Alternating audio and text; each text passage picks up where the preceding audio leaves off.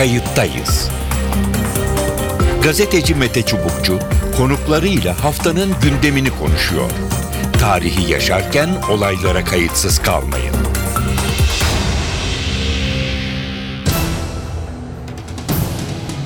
İyi günler efendim. Bir kayıttayız programında daha beraberiz. Gündemi ve gündemin arka planını kayıt altına almaya çalışıyoruz bildiğiniz gibi. NTV Radyo'da her hafta bu saatte başlayan kayıttayız programında bu hafta yine iç siyasetin önemli bir ayağını konuşacağız. Türkiye'deki barış süreci ya da süreç olarak ele alınan dönemde birçok faaliyet bir arada yürüyor. Bir yandan akil insanlar son turlarında süreci anlatıyor. Bir yandan PKK'nın geri çekilmesi devam ediyor. Bu konuda haberler, fotoğraflar çıkıyor. Hasan Cemal'i de anmadan geçmeyelim. Bir duayen gazeteci önemli röportajlar yapıyor. Evet Suriye krizi, Reyhanlı saldırıları, Başbakan Erdoğan'ın Washington temasları derken Türkiye'nin asıl gündem maddesi olan çözüm süreci bir süredir geri planda. Aslında hemen hemen hayatımızın içinde her gün radyoda, televizyonlarda tartışmalar oluyor. Akil insanlar bu konuda görüşlerini paylaşıyor. Ama bir süreden sonra yeniden konuşalım istedik. 2013 yılının başından beri silahlar sustu. Şehit haberleri gelmiyor. Takvim işliyor. PKK'nın Türkiye topraklarından çekilmeye başlamasıyla birlikte merdivenin ilk basamağına çıkıldı. Artık gözler hükümette siyasi iradenin atacağı adımlarda. BDP ve Kandil cephesi barışın kalıcı hale gelmesi, silahların tümden susması için güven verici adımlar atılmasını istiyor. Talepler belli. Türkiye'nin demokratikleşmesi için yasalarda hatta toplumsal sözleşmede temizlik yapılmalı. Yani anayasada. Tabii Kürt meselesinin yanında Türkiye'nin kimilerine göre halının altına süpürülmüş birçok sorunu var. Tek mesele Kürt meselesi değil diyenler. Alevilerin karşılık bulmayan talepleri, azınlık sorunları bunlardan birkaçı. Öğrencilerin problemleri, anayasal ve yasal düzenlemeler bu konular hep gündeme geliyor. İşte Türkiye'nin bu sorununa duyarlı biraz kafa yoran isimler olup bitene gelişmeleri yakından izliyor ve cumartesi pazar 25-26 Mayıs tarihlerinde Ankara'da masaya yatıracak. Kimler var aralarında? Bu konuda çağrıda bulunan ve toplantıya katılacak Yaşar Kemal, Orhan Pamuk, Murat Mungan, İona Kuçuradi gibi isimler aydınlar demokrasi ve barış konulu bir konferans için çağrı yaptı. Çağrı yankı buldu ve Türkiye'nin farklı kesimlerinden yazar, sendikacı, akademisyen, meslek örgütü üyesi onlarca kişi konferansa katılacağını duyurdu. Bu dört ayaklı konferansın ilk ayağı Ankara'da olacak. iki gün sürecek. Üç konu masaya yatırılacak. Başlıklar yüzleşme, hakikat ve adalet, hukuk, yeni anayasa ve yol temizliği, barışın toplumsallaşması ve demokrasi mücadelesi olarak belirlendi. Konferansa katılacak isimler bu başlıklar altında görüşlerini dile getirecekler, tartışmalar yapılacak, sonra rapor hazırlanacak ve bir sonuç deklarasyonu ile ortaklaştırılan fikirler ve öneriler kamuoyuna sunulacak. Yani Türkiye'nin demokratikleşmesi e, ya da bu yöndeki çabalara bir katkı amacını taşıyor. Şimdi bu konuda ilk konuğumuz Demokrasi ve Barış Konferansı'nın divan başkanı, Eski Türk Tabipler Birliği Başkanı Gencay Gürsoy'la konuşacağız. Telefon attığımızda Gencay Gürsoy var. Demokrasi ve Barış Konferansı çağrıcılarından ve konferansın divan başkanı. Gencay Bey iyi günler. İyi günler. Şimdi yarın ve pazar günü bir konferans. Aslında dörtlü planlanan konferansın sanırım ilk ayağını oluşturan ve Ankara'da düzenlenecek çok sayıda katılımcının olduğu bir demokrasi ve barış konferansı başlıklı bir toplantı düzenleniyor. Ee, ilk başta şunu sorayım. Nereden böyle bir ihtiyaç e, duydu ve buradan ne çıkması bekleniyor? Biliyorsunuz barış süreci başlayalı oldukça uzun bir zaman geçti ve tabi 6 aydan beri hiçbir can kaybının olmaması hepimizi çok mutlu eden bir gelişme. Fakat e, bu sürecin kalıcılaşması yani barışın kalıcılaşması ve Kürt sorununun nihai çözümü için kaçınılmaz ihtiyaç olan çoğulcu, özgürlükçü bir demokrasiye ulaşma çabası konusunda şu ana kadar dişe dokunur, yürek ferahlatan bir gelişme henüz yaşanmadı. Hı hı. Kuşkusuz silahlı PKK güçlerinin sınır dışına çekilmesi süreci bitmiş değil. Ama şu anda çatışmaların durmuş olması bu sözünü ettiğim demokratikleşme sürecinin başlaması için uygun bir ortamı sağlamış durumda. Dolayısıyla bunun neden yapılmadığının sorusu biraz açık. Hı hı. Biraz biz bu konferansı hem bu ihtiyacı kamuoyuna ve siyasi aktörlere aktarmak için hem de buraya doğru gidişin yol haritasını çıkarabilmek için düzenlemiş durumdayız. Anladım. Genel amacı aşağı yukarı bu. Peki şunu sorabilir miyim? Yani bu süreci biraz hızlandırmak mı ya da e, şöyle sormak isterim. Bu konuda bir şüphe mi var? Yani hani barış yeter demokratikleşmeye bakarız mantığı mı hissediliyor ki böyle bir konferans düzenleniyor? Ya bu konuda bir şüphe mi var acaba? Doğrusu şüphe mi diye ifade edelim yoksa başka bir deyim mi bulalım bu tartışılabilir ama benim kendi hesabıma ve bunu paylaşan başka arkadaşlar da var. Şu zaman geçen zaman çok değerli bir zaman ve bu zamanın kaybedilmesi bu gelişmelerin gerçekleşmesi konusunda endişe yaratıyor bizlerden.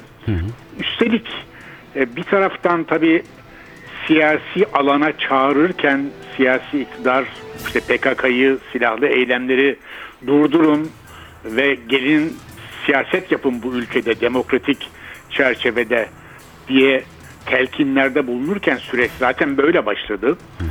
Siyaset alanının giderek daraldığına dair endişeler var. Her türlü toplu gösteri siyasi iktidar yandaşı değilse eğer çok aşırı abartılmış polis şiddetiyle önlenmeye çalışılıyor. Üniversiteler işte toplu basın açıklamaları yapılacak yerler neredeyse savaş alanına dönüyor yer yer zaman zaman. Bir taraftan bu endişelerimizi artırıyor bu gelişmeler. Bir taraftan da yasal yol temizliği dediğimiz, anayasal çalışmalar dediğimiz, bu koşulların hazırlanması bakımından son derece önemli gelişmelerde çok sevindirici bir ivme henüz yok. Dolayısıyla sizin ifade ettiğiniz gibi bir korku, bir endişe de taşınıyor tabii. Peki şuradan devam edelim. Şimdi tabii ki konferans çözüm süreci diyebileceğimiz dönemle birlikte ya da ona paralel olarak yani Kürt meselesi eksenli başladı. Ama tabii ki şimdi kimilerine göre de işte Türkiye'de halının altına süpürülmüş birçok mesele var. E, Şunu demek istiyorum. Ben akil insanlardan birisiyle konuşmuştum Marmara bölgesinde.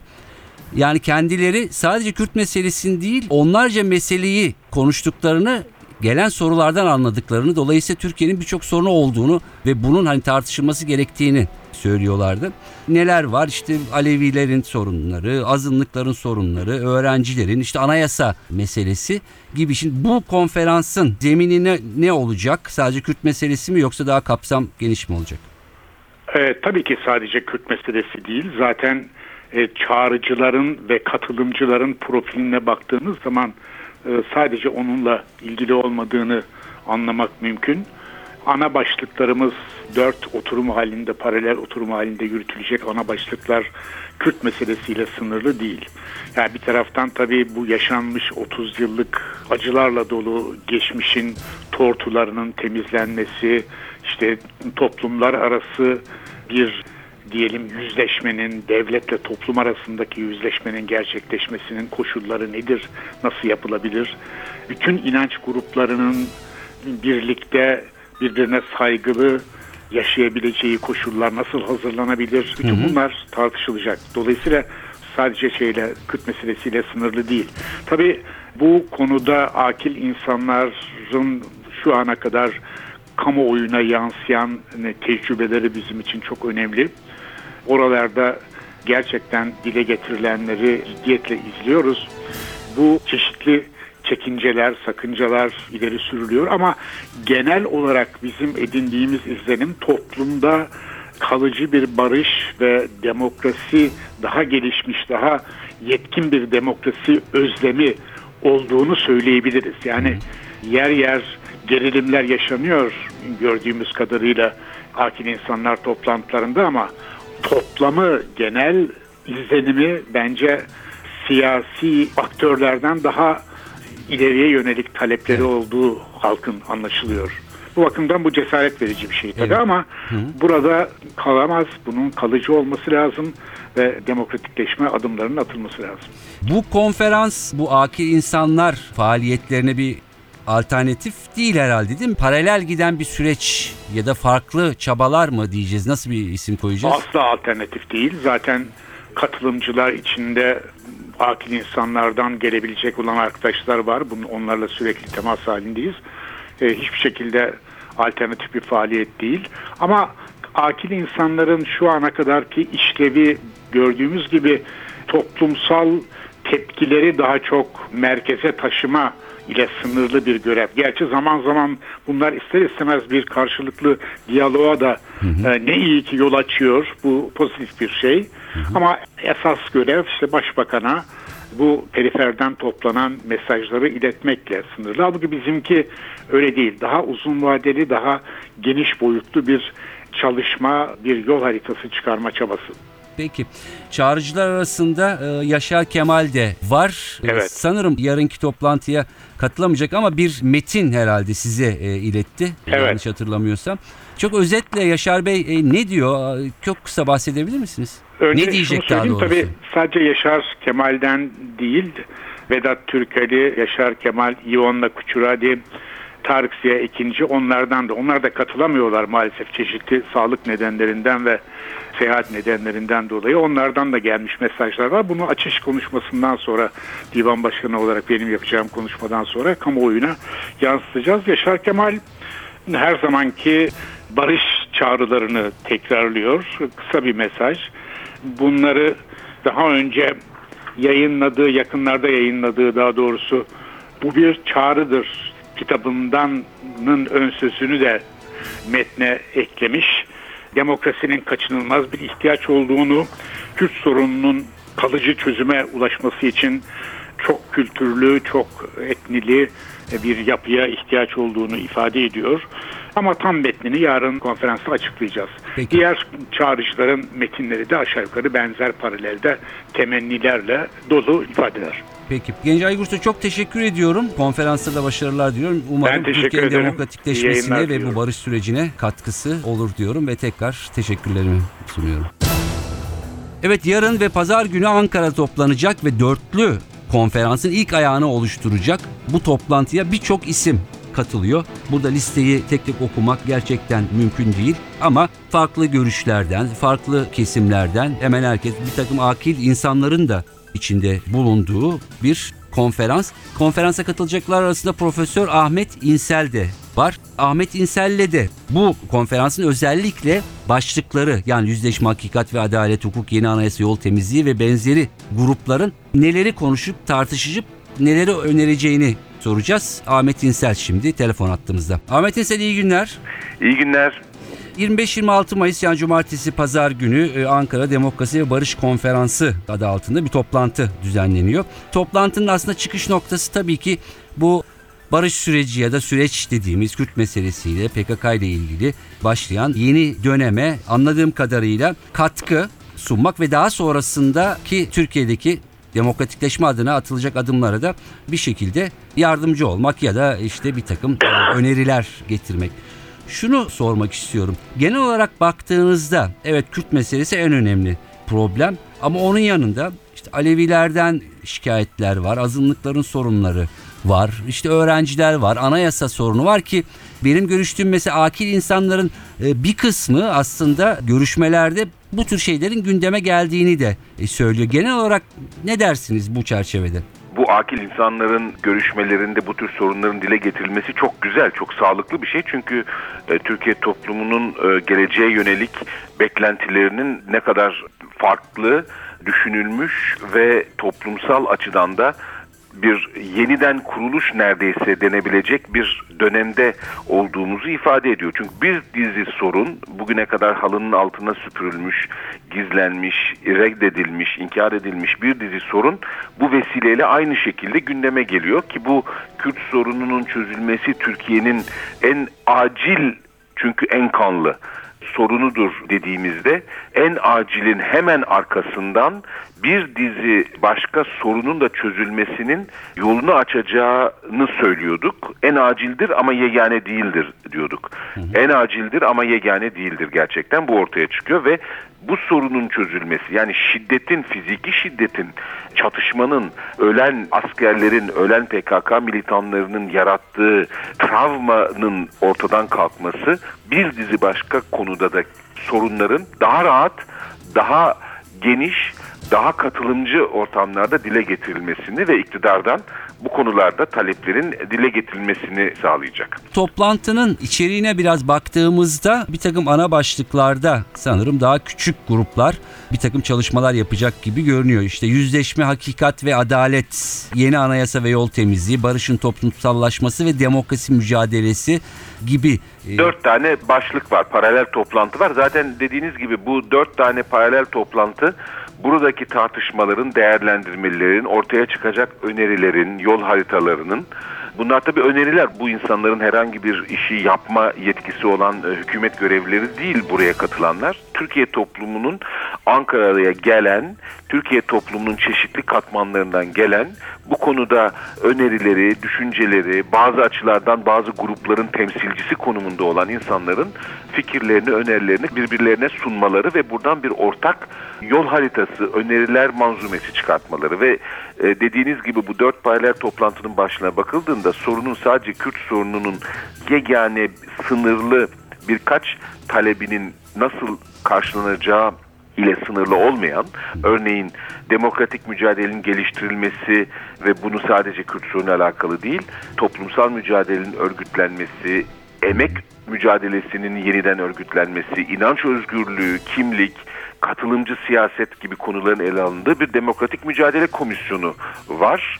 Burada Türkiye'de daha katılımcı, örgütlü bir sosyal haklarda, kadın haklarında, gençlik mücadelelerinde, gençliklerin taleplerinde çok daha katılımcı bir demokrasinin ortamı dile getirilecek. Örneğin bir diğeri toplumsal müzakereleri yürütmek komisyonu. Burada da esas itibariyle tabii ki bu Kürt sorununda barışın nasıl toplumsallaşması sadece hükümet ve BDP arasındaki bir müzakere olmaktan çıkarak toplumun bütün katmanlarının, Türklerin ve Kürtlerin Türk ve Kürt olmayanların, bütün Türkiye'lilerin katılabilecekleri bir müzakere, değerlendirme, görüş alışverişi süreci olması nasıl sağlanabilir herhalde konuşulacak ki akil insanlar heyetlerinin yaptığı görüşmeler biraz evvel sizin de belirttiğiniz gibi bir dereceye kadar bunun bir ön adımı gibi algılanabilir.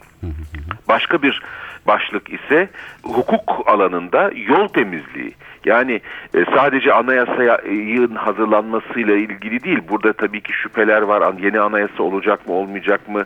Bu kısmi mi olacak? Yepyeni bir anayasa mı olacak? Bütün bu belirsizliklerin yanında yapılması gereken bir de bir dizi kanunda, bir dizi yönetmelikte eski dönemin ayrımcı, dışlayıcı, baskıcı önlemleri, kanun maddelerinin temizlenmesi lazım. Yani bir hukuk müfredatının ayıklanması, temizlenmesi lazım. Bu çok önemli bir iş. Sadece anayasayla çözülecek bir iş değil bu. Bu gerçekten uzun vadede belki en kalıcı olacak olan sonucu hukuk alanında anayasadan daha fazla budur.